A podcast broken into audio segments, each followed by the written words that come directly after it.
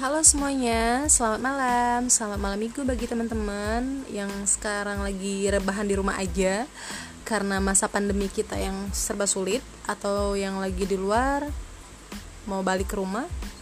Baiklah, perkenalkan Saya Kurnia. Untuk lebih akrab kalian bisa panggil Tari. Jadi teman-teman uh, For information ini episode perdana podcast saya. Jujur excited banget kenapa nggak mulai dari dulu? Sekaligus rada gugup sih karena baru pertama.